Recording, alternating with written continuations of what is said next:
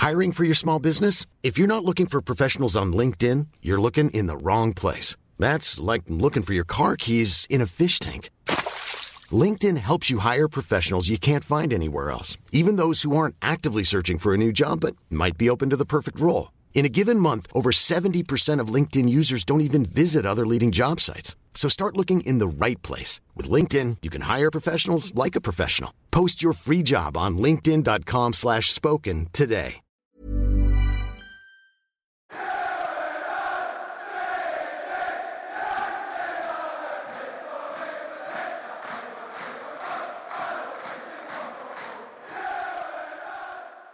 Halo, balik lagi bersama podcast KGMU uh, bersama kita bertiga dan kesempatan kali ini nggak ada hubungannya sama MU secara langsung, tapi Kiki, Kiki entah England nih.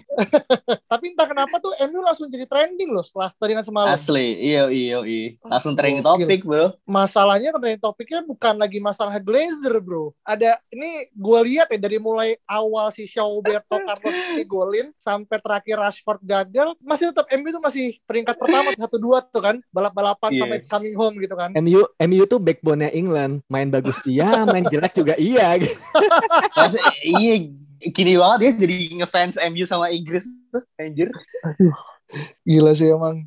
Aduh. Gue ngerasa semalam tuh kayak udah bener gitu kan. Apa namanya uh, Xiao kemudian menjadi apa namanya pemain uh, pertama ya kalau nggak salah mencetak gol di uh, Euro kan uh, dari MU ya. Ini yang kemarin gue baca di Twitter gitu kan setelah Pogba kemarin di World Cup 2018 gitu kan. Uh, eh tapi kemudian di akhir gitu kan yang mana sebenarnya gue kalau sama Rashford nggak ada masalah gitu kan. Dia adalah existing player. Sama Sancho bro. Iya, iya. Main aja belum tapi MU udah kena imbasnya, Bro. masalahnya dia kan mau dibuatin video opening ya kan kata Fabrizio kan Nah, gue nggak bisa bayangin dia. Itu dia gimana mentalnya masalahnya. dia ya Gue eh, waktu all, apa show ngegolin tuh gue nge-tweet England better thank Ole after this match gitu ya. Eh malah dikasih PR anjing sama Inggris buat ngurusin bocah-bocah olehnya. Iya kan?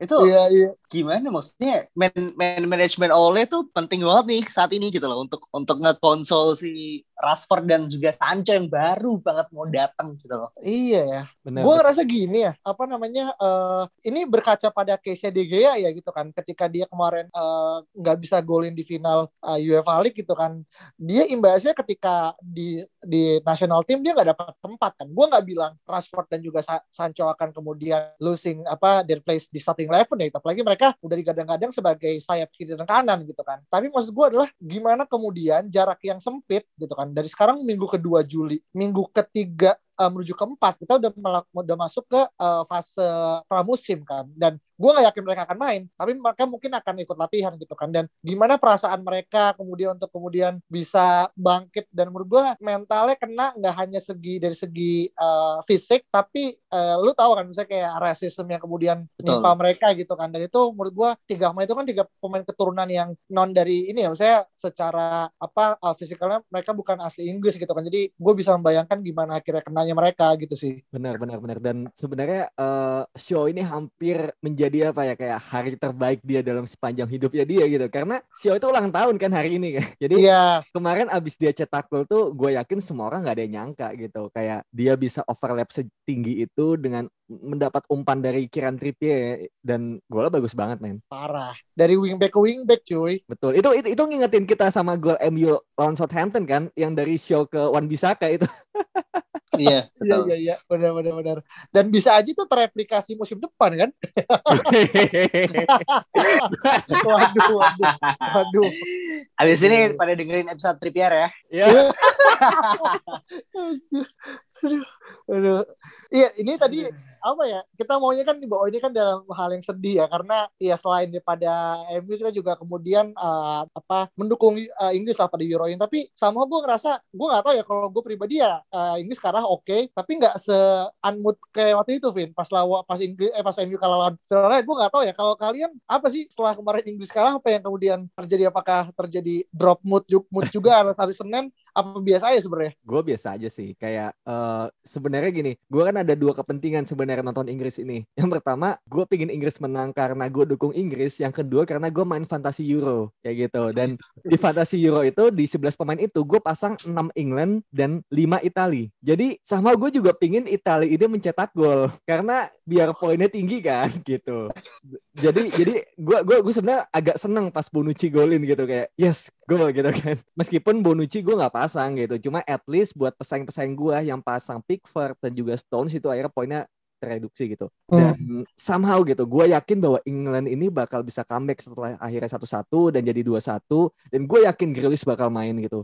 Sayangnya gitu, um, kayaknya Southgate ini sedikit ketularan oleh ya yang mana suka anti klimaks di final, tiba-tiba manajemennya aneh, substitusinya juga terlambat dan banyak keanehan yang terjadi gitu. Mungkin di overthinking atau apa gitu, tapi mirip banget sama Ole. Gimana, Ong? Setuju gue. Jadi gue kemarin eh semalam ya semalam tuh agak-agak dejavu men kayak feeling gue udah gak enak nih semua masuk ekstra time tuh feeling gue udah gak enak nih aduh anjing banget gimana ya maksudnya tuh Italia itu kan salah satu tim defensif yang paling apa ya paling oke okay lah. Dan mereka juga punya attacking yang gila banget. Lo lihat Chiesa 120 nah. menit gak ada capeknya anjir. Ya. dan itu pemain pemain Inggris tuh kalang kabut semua lawan lawan Chiesa gitu. Dan hampir Declan Rice cuy. Lu lihat Declan Rice itu di aduh nggak nggak coba. Makanya uh, apa ya Inggris pun juga nggak punya DM yang bisa ini men. Bisa apa ibaratnya tuh kayak ngatur tempo permainan gitu loh. Yeah, yeah. Declan Rice beberapa kali mencoba untuk masuk ke final third mulu kan. Maksudnya dia selalu giring bola hmm. uh, masuk ke posisi lawan gitu loh. Bukan tipe yang kayak Carrick gitu yang oh. yang berusaha untuk mengontrol tempo permainan yeah. atau bahkan Thiago gitu kan. Mm -hmm. Jadi sulit juga untuk untuk ngimbangi apa ya midfield si Itali gitu dan ngelihat gue sempat gue sempat mau ngetweet gini men uh, waktu Luxon golin kan. Mm -hmm anjir bawa aja lah nih ke extra time. Lihat lihat aja tuh uh, benchnya England. Ada Rashford Sancho. Gitu di cover Lewin untung gak sih di draft bro. Untung gak jadi gua tweet cuy. Anjir tuh kayak ya Allah untung gak nge-tweet cuy waktu Rashford sama Sancho main itu aduh film gua gak enak sih. Karena itu bajunya belum basah keringet men. Yeah. udah suruh nendang penalti. Jadi kayak ya udah it just I think ya yeah, mau gimana lagi Benar-benar. Gitu. Kalau kalau kalau ngomongin dejavu gitu, kita ingat kan betapa uh, gimana Ole kemarin itu mainin Juan Mata dan juga Alex Telles buat tendang penalti doang, ya kan? Yes. ya dan dan itu uh. itu juga itu juga bikin gue apa ya ingat gitu. Wah ini mirip banget sama Ole gitu kan. Mana pergantiannya aneh, telat dan kemudian masukin dua pemain untuk take uh, penalty taker. Cuma bedanya kalau Ole kan uh, dua pemain itu berhasil untuk untuk cetak gol. Cuma buat yang England ini dua-duanya gagal gitu ya. Iya. Dan lagi gitu. Oleh kan yang dimasukkan bukan bocah, men. Dalam artian mereka Benar. pemain yang emang emang punya Spesialis. experience gitu loh. Spesialis, ya. Spesialis dan punya experience juga. Berapa kali Alex Telles nge-convert penalti gitu kan di Porto. Berapa kali Juan Matang convert penalti juga gitu. Tapi ini kan Rashford umur baru 23, 90% dia Euro nggak main gitu. Sancho pun demikian gitu kan. Dan ini terakhir tuh Saka gitu loh. Penendang kelima itu Saka tuh aneh banget gitu. Kenapa Henderson diganti coba? Dia dia dia kapten Liverpool kan. Dan dia punya uh, apa ya? Gue rasa dia punya skill penalti yang baik gitu dan dia juga leader juga di di, di tim tersebut gitu. Kenapa dia malah dicap diganti gitu sama Southgate? Gue nggak habis pikirnya di situ sih, men. Hmm. Iya, Jadi iya jadi Southgate perlu dipenjara nggak, Ung? gue gimana ya? Uh, direhab aja kali ya, direhab. Timnas Inggris ini. dia, dia butuh ke ini sih, men. Ke Mykonos sih. Tepatnya Maguire berantem terus dipenjara sama sipir sipir Yunani. Lo inget ya? Anjir Mykonos. Habis habis dari itu kan Maguire langsung jadi keren gitu kan langsung mainnya oke okay gitu. Eh, eh, tapi tapi tapi uh, ngomong-ngomong tentang Maguire, kalian lihat gak tendangan penalti yang Maguire tuh sampai ngancurin kameranya main gitu kayak. Iya, gokil ya. Banget main. Kayak Bruno Fernandes ya ngambil penalti. gue gue yakin kiper nggak ada yang bisa nangkep juga sih kayak gitu sih Vin. Iya iya benar. Ke ujung banget itu. Sampai remuk kameranya kan. Iya. Kacau. ya itu dia sih maksudnya gue uh, agak apa ya cukup cukup tidak terima gitu loh melihat uh, apa publik menanggapi match tersebut gitu karena banyak yang mencoba untuk ngeblame uh, Rashford, Sancho dan juga Saka gitu. Padahal selama 120 menit tim tersebut juga nggak bisa nyetak gol. Betul, betul. Dan Dan memang memang menurut gue di sini uh, the only one to blame ya Gareth Southgate gitu. Kalau kalau harus ya, kalau harus meskipun gue juga nggak mau menunjuk dia untuk uh, bertanggung jawab. Cuma kalau memang harus menunjuk satu orang yaitu Southgate karena memang semua ini kan di bawah kendali dia gitu dan uh, gue juga baca tadi di di Atletik bahwa ini semua sudah dipersiapkan dari latihan gitu. Maksudnya adalah penendang-penendang yang seperti Sancho, Rashford, Saka itu tuh dinilai berdasarkan latihan. Itulah yang menurut gue bingung karena kita semua tahu bahwa adu penalti itu apalagi di final 90% adalah mental, 10% yes. skill. Benar kan? Hmm. Nah, kenapa Southgate memilih pemain berdasarkan hasil latihan, bukan melihat mental pemain dan juga apa ya, on the pitch pada saat itu gitu. Pasti dia bisa melihat pemain mana yang sepertinya siap, pemain mana yang sepertinya uh, nggak begitu yakin gitu. Gue yakin itu dia bisa melihat dan dan sebenarnya ada video yang leak juga bahwa Southgate itu nunjuk-nunjuk pemain.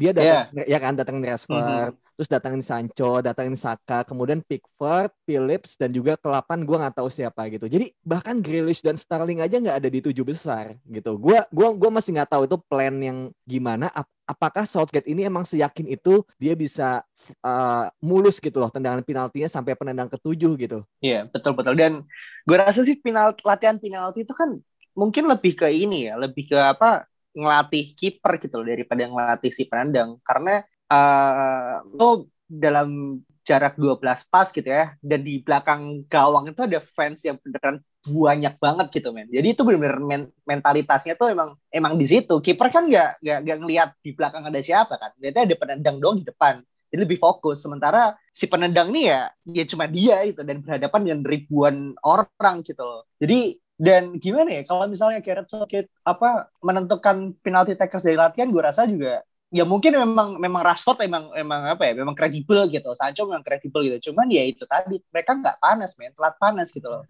nggak bisa menyerap atmosfer pertandingan dengan baik gitu makanya daripada mereka yang ngambil kenapa nggak ya seperti yang lo bilang tadi kenapa nggak Sterling yang emang main terus gitu kan atau hmm. Grealish kapten Aston Villa hmm. atau bahkan ada Henderson juga gitu yang kenapa hmm. diganti kayak bingung gue sebenarnya yes. John Stones juga bisa menurut gua. John Stones ya yeah, betul. Show pun bisa menurut gua. Show di hmm. di final kemarin nendang kan pas MU kalau nggak salah ya, gue lupa. Nendang tapi kan itu nyampe kiper juga bro. uh, tapi tapi men Donnarumma itu gede banget aja. Asli. Makanya makanya kan maksudnya lo di di di latihan lo ada Pickford gitu loh. Kayak with with all due respect to Pickford yang emang kemarin brilian gitu ya bisa nge-save dua penalti. Cuman itu Pickford beda dengan Donnarumma gitu loh. Hmm, hmm. Ngerti gak sih kayak presence-nya di bawah Mister Gawang tuh beda banget.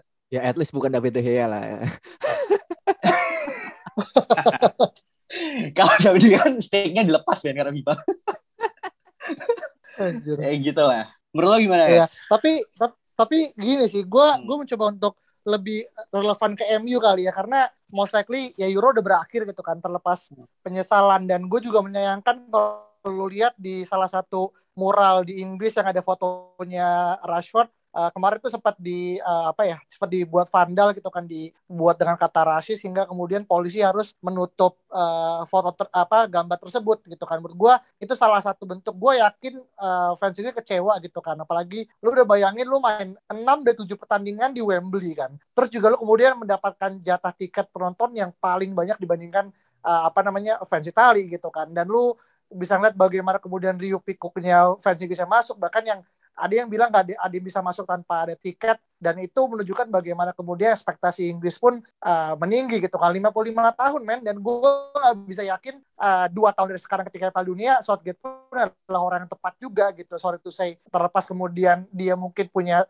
historical yang mirip kayak Ole tapi gue masih merasa musim depan Ole masih bisa mengatakan MU juara tapi Southgate gue gak yakin bisa nganterin MU eh, apa Inggris juara di Piala Dunia gitu loh. Gue gak tahu ya pendapat kalian gimana gitu kan. Nah balik ke performance pemain gue tuh ini lihat di jadi FedEx tuh sebagai salah satu sponsor di Euro tuh buat uh, top 5 performance gitu kan. Yang dan yang kita perlu salut adalah Harry Maguire dan juga Luke Shaw menempati peringkat kedua sama ketiga. Di bawah nomor satu Marco Verratti gitu kan. Jadi menurut gue at least yang bisa kita petik adalah buat musim depan kita bisa ngelihat bagaimana Shaw dan juga Maguire nih bisa jadi salah satu kunci utama kita gitu kan. Hmm. Apalagi ditambah kemudian adanya pembetulan di sektor belakang gitu kan menjadi salah satu uh, apa tujuan dari Ole sendiri untuk menggait CB gue yakin kita bisa melihat promising di sektor belakang lah gitu kan. Jadi itu sih paling yang gue lihat ya selain dari kemudian kemarin kenapa harus uh, uh, Sancho, Sancho dan juga uh, apa namanya Rashford meskipun Ken kan juga bilang gitu kan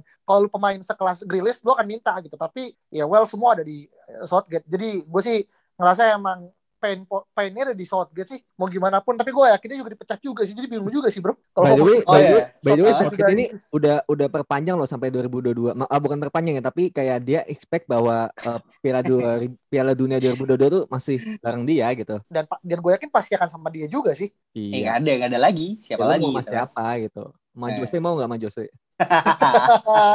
Eh Jose spesialis men. Spesialis turnamen men Iya, iya. Yo, hmm. Tapi ngomongin Jose, kemarin kan setelah show golin kan akhirnya dia buka komentar kan. Dan Betul. lu gimana oh ngelihat akhirnya Jose pun akhirnya bisa dikatakan ya uh, menjilat udah sendiri gitu dengan menilai show yang kemudian banding-bandingkan di era dulu sama yang sekarang gitu. Waktu lu show golin juga pikiran pertama gue Jose Mourinho sih. Karena uh, ya ini apa ya Euro ini menjadi ajang pembuktian yang sangat-sangat baik untuk Luke Shaw dan juga Harry Maguire gitu ya. Dua pemain yang dari beberapa musim lalu selalu dibeli gitu oleh harganya, oleh performanya gitu kan. Dan bahkan Luke Shaw tuh salah satu pemain yang di paling banyak meme-nya men di Twitter gitu loh dulu. Jadi gue melihat uh, bahkan seorang Jose Mourinho gitu ya uh, berani mengakui bahwa Luke Shaw memang punya uh, performa penampilan di Euro yang sangat-sangat sangat baik yaitu ha, apa ya ha, mungkin harus patut diapresiasi juga gitu loh dan itu apa ya gue rasa sih emang untuk saat ini ya untuk saat ini tidak ada uh, yang akan meragukan Luke Shaw lagi gitu sebagai hmm. LB terbaik di Inggris dan mungkin di Eropa benar-benar hmm. dan, dan uh, mungkin gue mau menanggapi dari sisi yang lain ya kayak mungkin kita selama ini mocking Jose sebagai orang yang apa ya kayak dia salah menilai Luke Shaw dan juga salah nge dia gitu. Cuma cuma gue melihat dari sisi yang lain adalah mungkin Luke Shaw nggak akan jadi seperti sekarang kalau nggak pernah di-treat Jose seperti itu, ya kan? Iya, yeah, itu ya, kan? ya butterfly effect. Hmm. Betul. Jadi kayak terkadang tuh anger dan juga avenge itu membuat orang jadi ingin berbuat lebih gitu. Entah pada akhirnya itu untuk dirinya sendiri atau untuk membuktikan pada orang lain kalau dia salah gitu kan dan juga uh, kejadian kedua yaitu cedera dia sendiri gitu kan di tahun 2015 yang mungkin kita bisa anggap waktu itu ya his career is over gitu. Secara kaki lu patah, pemain muda, kemudian hmm. temunya Jose abis itu kan hmm. gila itu udah combo mantep banget Betul. gitu. Dan ternyata memang sekarang uh, dia bertemu dengan pelatih yang tepat, yang bisa percaya dengan dia dan juga uh, show juga udah sempat komen kan bahwa oleh percaya sama gue dan gue uh, thanks to him gitu. Iya bahkan uh, apa ya cerita Luke Shaw ini mungkin bisa menjadi motivasi ya bagi kita semua dan kalian semua yang mendengarkan gitu. Lu saja bisa, bro. Mimpi-mimpi kita pasti juga bisa tercapai. Kita cuma butuh orang yang percaya sama kita gitu. Ini konteksnya apa, bro?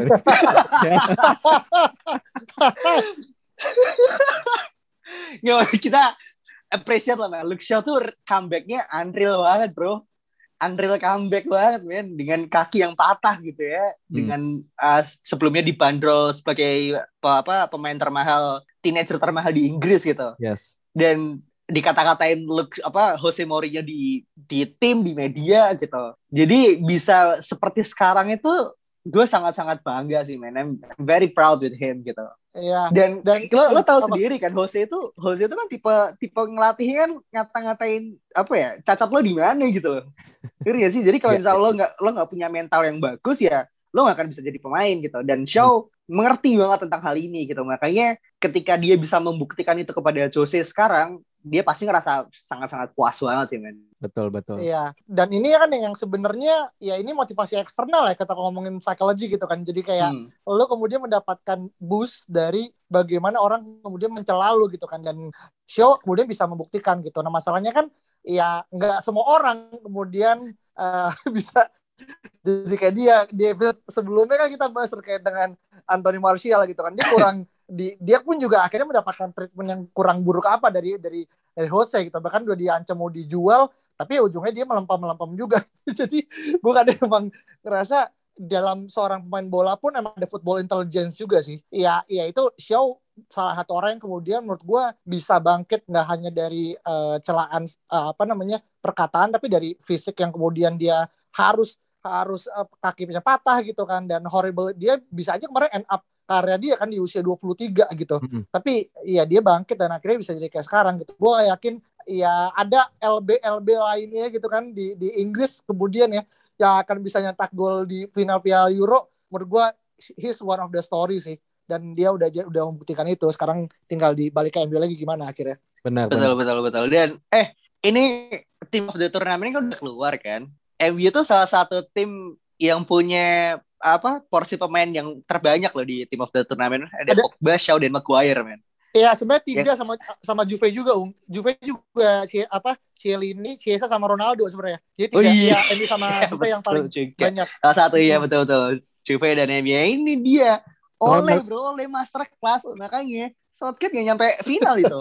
nah, uh, oke okay, sekarang ya Euro udah selesai gitu kan uh, kita mungkin akan kehabisan bahan tontonan bola sampai akhir 31 Juli sebelum MU ngelakuin pertandingan pertama uh, di apa di pramusim.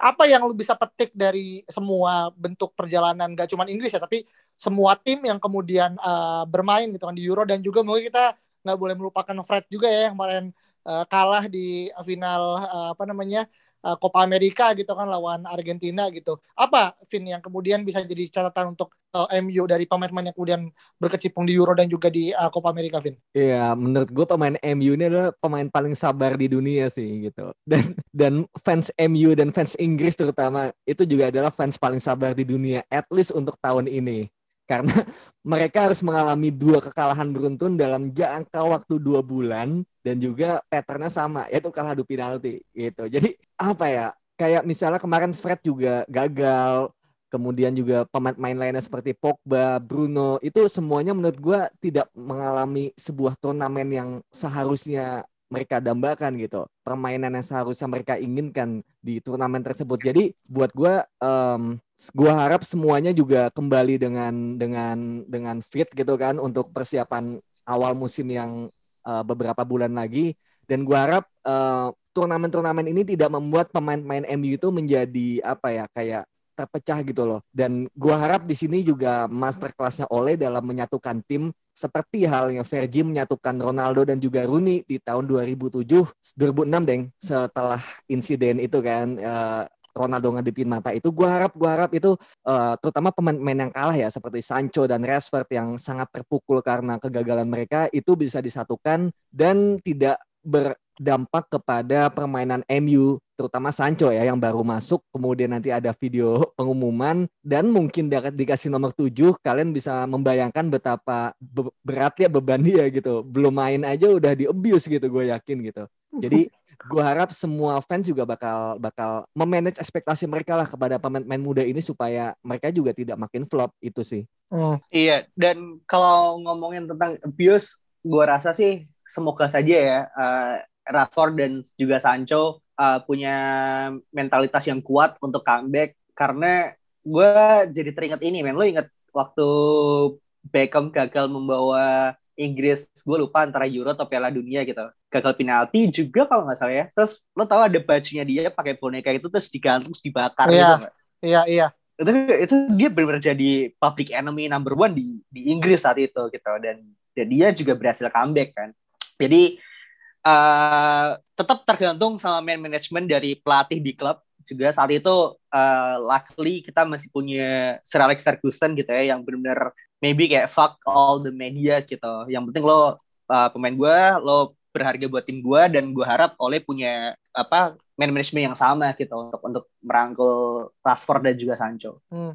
Iya, karena kalau nggak gitu ya ujungnya ya kita sekarang di MU pun sendiri kan lagi building the team ya gitu kan. Dan kita nggak ada yang kemudian berekspektasi uh, Inggris akan kalah. Kalaupun kalah gue rasa kalah di penalti itu akan jauh lebih menyakitkan ketimbang lu kalah di 90 menit gitu loh. Dan dan itu kan dan gue nggak tahu ya gue juga bukan pemain profesional. Cuman gue bisa merasakan bagaimana ketika lu penalti dan lu gagal memberi dan lu gagal masukkan bola ke, ke gawang gitu kan itu akan diingat terus terusan gitu. Tapi ketika lu kemudian uh, gagal 90 menit yang mana kemungkinan kemungkinan itu sangat sangat uh, terbuka gitu kan. Pagi di, dimulai dari open play gitu kan. Dan orang mungkin akan cenderung ya udah gitu kan. Terlepas mungkin ada ada ada ada orang menyalahkan tapi tidak seperti lu yang kemudian dia anggap ketika lu udah di uh, 12 kotak 12 penalti ya lu harus golin gitu jadi menurut gue memang uh, double pressure juga buat Ole uh, dia nggak hanya kemudian mencari uh, pemain yang cocok untuk MU untuk uh, di bursa transfer tapi untuk kembalikan ya para pemain ini dan mereka masalahnya pemain vital gitu oke okay lah Maguire sama Shaw mungkin bisa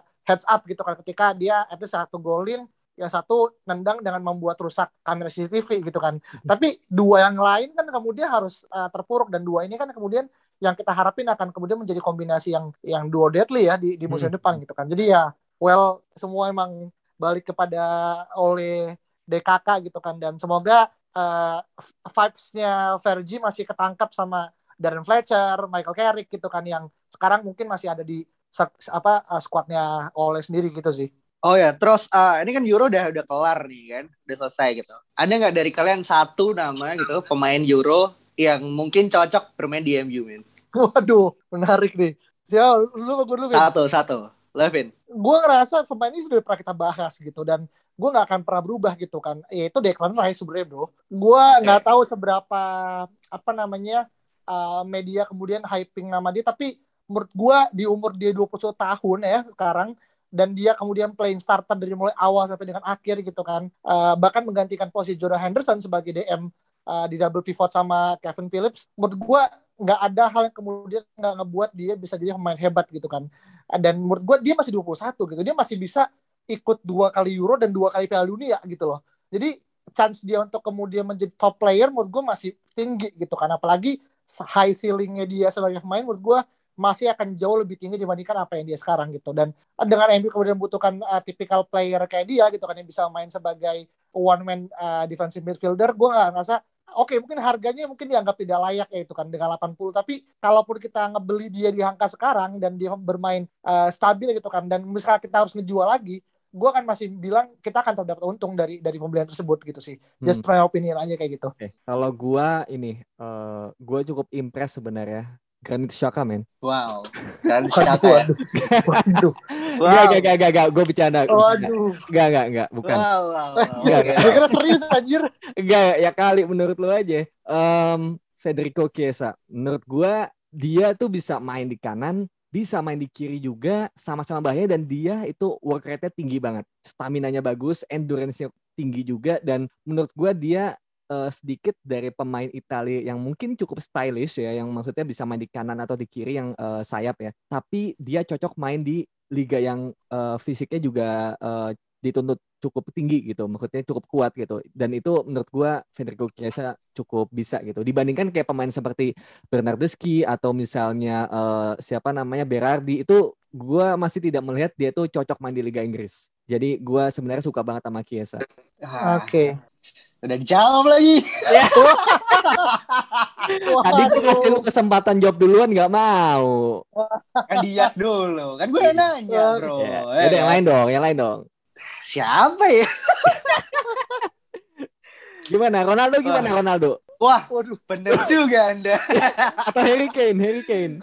Gak, gue, gue jujur gue gak impress man sama Harry Kane gitu. Karena uh, apa ya gue ngerasa dia dia tidak cukup perform di Euro saat ini gitu dan uh, gue justru gue beneran impress banget sama dua pemain ini pertama Kiesa dan juga Ronaldo gitu karena lo lo lo udah sebut lah kenapa kenapa Kiesa apa sangat sangat cocok di Liga Inggris kan dia dia juga mengidolakan seorang Rick kakak gitu ya jadi permainannya cukup cukup sama gitu dan apa kalau Ronaldo ini ya kembali lagi dia punya longevity longevity yang yang edan men gitu. Dia tim tim of the turnamen tuh dari tahun 2004 sampai 2020 loh. Gila kan. Dan dia main main berapa game ya? 4 atau 5 games ya? Hmm. Top scorer lagi. Golden Boot loh. Gue berharap bisa at least dua musim dia sama Ronaldo men. Gitu sih.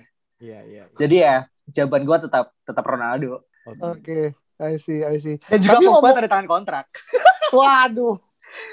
Aduh. Tapi ngomong-ngomong hmm, Ciesa hmm. ya, sebenarnya Chiesa ini kan salah satu pemain yang Juve tuh bisa dibilang dapatnya cukup cuma-cuma ya kan dipinjemin kan sebenarnya kan dari dari Fiorentina. Jadi Betul. kayak lu mendapatkan pemain yang sekelas Chiesa gitu kan. Dan Fiorentina yang kemudian gue nggak tahu ya gimana deal-dealannya Juve dan juga Fiorentina, tapi sekelas Chiesa lu dipinjemin tanpa lu kemudian harus bayar dia jasa dia gitu kan. Dan dia bisa kemudian ya at least mengatakan Italia juara mengatakan Juve kemudian ya juara meskipun bukan Liga Italia atau Liga Champions ya gitu kan. Tapi paling enggak dia tetap dapat juara dari Coppa Italia gitu kan. Jadi menurut gue, Andi nih, gue nggak tahu ya emang, pinter banget sih emang Juve untuk kemudian nge-capture pemain-pemain muda berbakat uh, di Italia. Jadi kalaupun nanti kemudian orang mungkin tadi sebenarnya gini Vin, gue tadi mau jawab uh, siapa tuh namanya pemain tengahnya Locatelli. Tadi yeah. gue mau jawab Locatelli awal. Dia sempat kan. sempat tapi kalau Locatelli, sama Arsenal ya. Iya, ya tapi meskipun Arsenal kemudian dianggap tidak cukup merepresentasikan iya, klub yang bisa membawa dia juara, ya gue pun juga akhirnya di Locatelli pun ya udah. Ya lo kan stay sama Arsenal tuh dijadiin badut doang sama Locatelli. Sebenarnya dia maunya ke Juve, men. Makanya gitu. Dan menurut gue sih ya untuk Ciesa dan juga Locatelli, gue gak tau umur Locatelli berapa ya sekarang ya. Cuman Ciesa kan masih 22, 23 gitu kan. Dan dia masih panjang gitu. Dan gue uh, sur gua gak surprise kalau misalnya tiba-tiba dua musim lagi, let's say uh, dia akan dibeli sama let's say misalkan sama Madrid gitu kan. Karena yang gue gua terima kemarin pun sebenarnya Barca pun juga ngincarin sini ya kan. Sekarang ya, meskipun gue yakin itu akan panjang prosesnya karena dia masih kredit hutang dan juga harus registrasi uh, ini masih ribet kan. ya. Masih masih ribet banget ya masih hektik kan. Cuman hmm. pemain Itali dengan ada ini bisa kemudian ngebuat market dia meningkat lah gitu. At least nggak main di liga lokal lu bisa keluar. Sekarang kan lu main liga lokal cuma yang luar kan cuma Verratti sama Jorginho kan. Saya hmm, sekarang benar rumah lah gitu kan. Lainnya lu di lokal gitu. Jadi ya betul. ya ini bagus lah buat buat pemain ininya ini. Siapa tahu akan, hmm. akan ada Sam John Spark versi Itali, who knows kan? iya, iya. dan dan MU ini uh, correct me if ya. MU tuh nggak punya pemain Itali yang bagus, men. Darmian men. Di tim. Hah? Nanti Darmian, sa Darmian sama Kiko Makeda tuh masih gedean legasinya Kiko Makeda. Bisa bawa juara. Oh, orang dulu iya. gue inget banget, gue inget banget apa uh, memnya apa Darmian tuh Darmian tuh pokoknya ngelihat half apa half space ke depan tuh udah kayak jalur Gaza bro dia kan dia kan nggak berani masuk ke sana gitu loh saking defensifnya gitu kan makanya dan dan Kiesa ini gue sempat bilang kan beberapa episode yang lalu uh, Bayern Bayern kalau misalnya ada pemain yang Bayern udah nggak mau nggak suka mending dihindari. Nah ini Bayern tuh suka banget main sama Kiesa bahkan Nagelsmann ini udah udah udah beberapa kali uh, kontak juga gitu loh. Dan kemarin baru gue baru baca beritanya uh, bos Bayern Kiesa tuh bagus tapi mahal banget gitu jadi mereka pun juga sulit boyong Kiesa ke Bayern. Betul. Harganya 60 ya. juta. Hmm. oke. Okay. okay lah. Iya Oke, okay. mungkin enough ya dengan segala bentuk apa yang kita keluarkan dari mulai Inggris sampai dengan KMU dari pemain yang kemudian uh, kita kita harap mentalnya naik sampai kemudian pemain yang kita harap bisa datang karena karena one season apa ya bukan one season one one cup wonder lah kasarnya gitu kan meskipun one cup wonder betul. one cup wonder gitu kan meskipun kita lihat gimana Ciesa dan segala macam dan uh, stay tune untuk episode berikutnya dan dadah